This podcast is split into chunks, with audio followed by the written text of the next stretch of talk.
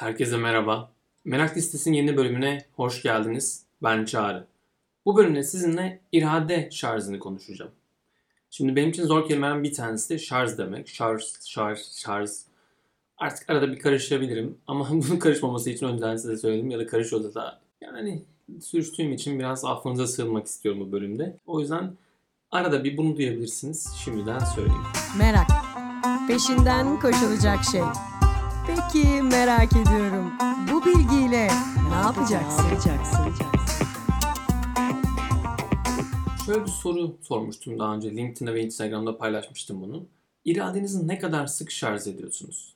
Şimdi bununla beraber aslında irademizi hiç şarj etmiyoruz ve aa irade şarj edilebilir mi soruları da geliyor. İlginç bir şey değil mi? Ben daha önce bunun üzerine çok fazla düşünmediğimi fark etmiştim. Duyduktan sonra bu kavramı. Hani bir şeyleri evet yapıyoruz ama irade nasıl şarj edilir? İrade nasıl aslında tutulabilir? Bunun cevabını bilmiyormuşum.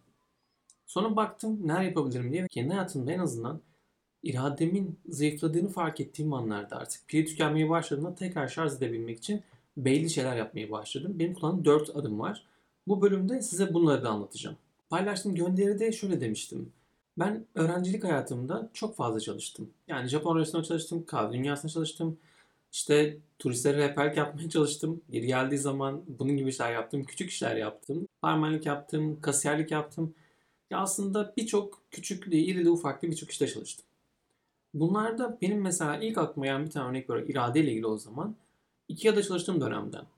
Çalışırken her sabah Nippon toplantıları, yani aslında Nippon Japonca Japon demek. Nippon toplantıları yapardık. Kısa toplantılar Japonların kendi aralarında yaptıkları ve herkes aslında güne başlarken kendi birimiyle ilgili küçük şeyler söyler. Aynı zamanda hedefleri belirtirdi. Daha sonra çalıştığım Intex grubunda da bunun sabah rutini olduğunu fark ettiğimde aa ne güzel falan demiştim. Çünkü kısa 10 dakikalık toplantılar. Ama aslında bunun amacı personelin orada birbiriyle konuşarak birbirini motive etmesi, güne keyifle başlaması, heyecanla başlaması ve bunu da aslında müşteriye yansıtması. Tabii iyi bir yönetici olduğu zaman bunu çok layığıyla yaptığı için oradan çıkarken evet gerçekten de bugün çok iyi olacak. Herkese şöyle yapacağız, böyle yapacağız. Şöyle güzel geçecek. İnsanlara şöyle yardımcı olacağım diye çıkıyorsunuz.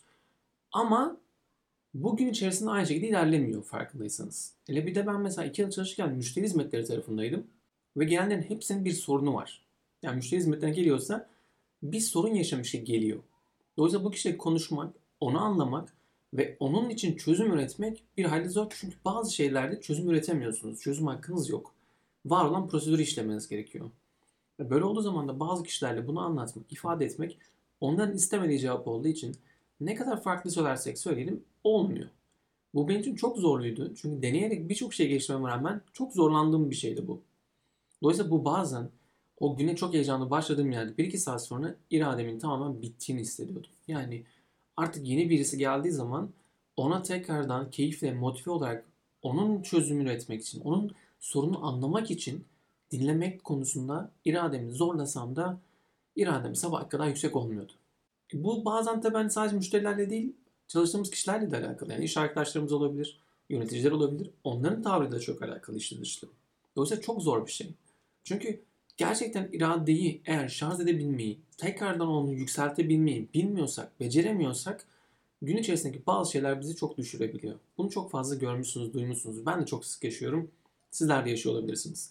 E bu da aslında bir taraftan çok keyif aldığımız işleri yapmayı da zorlaştırabiliyor. Bazen en sevdiğimiz işi yaparken bile zorlanıyoruz.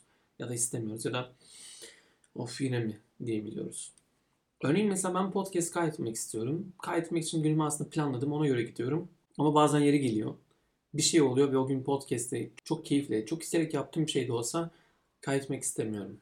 Yani o gün kendimde konuşacak iradeyi bulamıyorum, gösteremiyorum. Bunlar olabiliyor. Dolayısıyla benim dediğim o baştaki dört tane yöntemim var kullandığım. Bunlar her zaman tam olarak işe yaramıyorlar. Ama en azından beni belli durumlar içerisindeyken bunu fark edip yükseltmem için destek oluyorlar. E tabi bazen de iradenin bitmesinin en tatsız yanı bazen en böyle keyifli olduğunuz, en iyi hissettiğiniz anlarda bu iradeyi gösteremez. Yani sevdiğiniz insanla bir arada olduğunuzda onların bazen küçük şeylerini bile tolere edecek enerjiyi kendinizde bulamamanız. E tabi daha önce ben sizle enerji vampirlerinden bahsetmiştim. E bunlar çok etkiliyorlar. Yani ne kadar güçlü irademiz olursa olsun eğer bir enerji vampirine denk geldiysek ve farkında değilsek o anda bütün enerjimiz gidebiliyor ve işte orada gidebiliyoruz. Bunlar hep olan şeyler. Peki neler yapılabilir? Yani en azından ben irademi nasıl şarj ediyorum? Benim için aslında daha önce de bahsettim böyle. Beni takip ediyorsanız son dönemde çok sıklıkla bahsediyorum. Mindfulness bunun için aslında çok büyük bir anahtar oldu. Çünkü gerçekten mindfulness'a daha önce çok uzak davranıyordum. Hatta bir podcast'te bundan bahsetmiştim. Son tanıdıkça aslında çeşitlerinin ve farkındalık yaşamanın, kendi düşüncelerim üzerindeki bakmanın ve bunları anlamanın, o farkındalığı yaşamanın etkisinin aslında farklı yöntemler olabileceğini ve kendime uygun yöntemi bulmam gerektiğini fark etmiştim. Ve bulduğumdan beri aslında hayatımda en fazla irademi destekleyen, tekrar beni şarj etmemi sağlayan şey mindfulness çalışmaları. Genelde her akşam bunu yapmaya çalışıyorum belli rutinler içerisinde. Yeri geldiği zaman da sabah rutinime de bunu eklemeye çalışıyorum. Bu da beni ikincisine getiriyor. İkincisi de sabah rutinleri. Ben gerçekten de rutinler üzerine daha önce bölüm yapmıştım. Sabahları bunları koymak, ritüeller oluşturmak. Yani güne başlarken aslında o enerjimizi yükseltip güne kendimizi aslında daha böyle zihnimizi boşaltıp ya da zihni boşaltmak demeyeyim de zihni hem boşaltıp hem de tazelemekle başlamak. Bence bu çok önemli bir şey. Dolayısıyla sabahları aslında yaptığım şey kalktığımda duşumu almak, sabah sayfaları yazmak. Yani aslında o gün başlamadan önce gerçekten yazı yazmak. En azından 20-25 dakika buna ayırmaya çalışıyorum. Ardından bir şeyler okumak ya da izlemek ve not almak. Ve sonra yine mindfulness var. Bu üçlü bana çok iyi geliyor ve dördüncüsünü eklemeye çalışıyorum. O da spor yapmak. Aslında güne gerçekten sporla başlamak yani bunu ekleyebilirsem sabah ritüellerime kendi irademi güçlendirme konusunda çok daha önemli bir adım da atmış olacağım. O yüzden bu da sizin için çok önemli olabilir.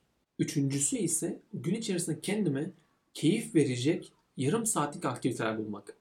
Yani evet iş hayatında bu çok zor. Özellikle ekran karşısında olduğunda zorlanıyoruz ama yine de bunları aslında yaratabiliyoruz. Bazen sadece sıkıcı olarak kahve içiyoruz, bir şey yapıyoruz ama gerçekten günlük rutin içerisinde, gün içerisinde böyle bir şey yerleştirmek çok önemli. Çünkü gerçekten de keyif aldığımız. Ben bazen kitap okuyorum, bazen bir şey izliyorum, bazen sadece kahvemi alıp dışarı izliyorum. O yarım saat en azından hani tek bir blok halinde de olmak zorunda değil. 15 dakika 15 dakika olabilir. Bu şekilde koymak gerçekten irademi güçlendiriyor ve tekrar şarj olduğunu hissediyorum. Kendi enerjimi de tekrar buluyorum. Çünkü kendi zihnimle bağlantı kurup tazeleyebiliyorum. Benim için harika oluyor bu molalar. Hani normal molanın dışında sırf bunun için boşluk yaratmaya çalışıyorum. Bence bunu da deneyebilirsiniz. Ve dördüncüsü bazen çok zor günlük hayatımızda özellikle iş hayatındayken işi işte bırakabilmek. Buna çalışıyorum. Çünkü gerçekten aslında bilgisayarımı kapatıp hayatıma geçmeye çalıştığımda zorlanıyorum. Tabii ki de çünkü evden çalışıyoruz şu anda ve evde olunca her zaman aslında o bilgisayardan bildirimlerin gelmesi, telefondan ulaşılması çok doğal geliyor. Ama ben bunu yapmaya çalışıyorum çünkü gerçekten de enerjimi uzun sürede odaklanarak işe ayırdığım zaman zaten yapabileceğim her şeyi işte yaparken ekstradan bununla ilgili çalışmak ya düşünmek günümü bozuyor, ritüellerimi etkiliyor, gecemi etkiliyor. Dolayısıyla aslında belli saatte özellikle saat 7'den sonra işle ilgili herhangi bir şeye bakmamaya çalışıyorum. Ve bu sayede aslında güne başlarken sabah ritüellerim içerisinde günlük yapılacak işlerim var. Yani ben aslında 7.30 ile 8 arasında zaten bir gün önceki o gelen maillere, gelen çalışmalara bakarak kendi günümü planlayabiliyorum. Dolayısıyla aslında benim için orası varken geceyi buna ayırmıyorum. Bu da benim için aslında gece bittikten sonra kendi sevdiğim, keyif aldığım işte kitap okumaya, arkadaşlarımla sohbet etmeye, bir şey izlemeye ya da sadece boş boş durmaya ya da kendime güzel bir yemek yapmaya ayırabiliyorum. Ki özellikle saat 7'de net bir şekilde yemek yapmaya çalışıyorum ki evde olduğumda. Bu sayede aslında neden bıraktım yani o ayrım işten çıkıp yemeğe geçme ayrımı çok netleşiyor. Çünkü bu sayede aslında zihnime de evet artık şu an iş kenara bırakabiliriz. Çünkü yemek yapıyoruz. Hem keyifli. Hadi arkadan da keyif alacağım bir video aç. Onu dinle, yemeğini yap. Ve bu sayede aslında işi işte bırakmaya çalışıyorum.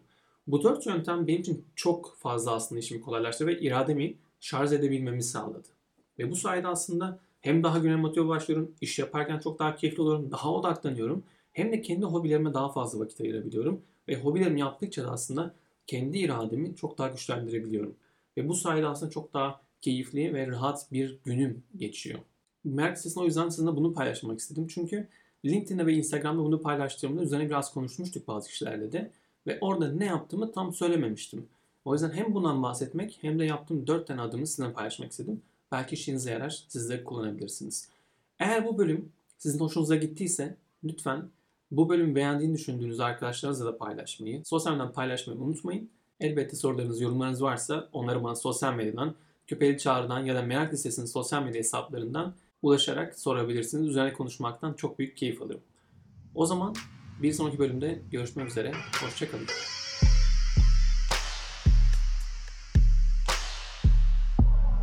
Merak ediyorum.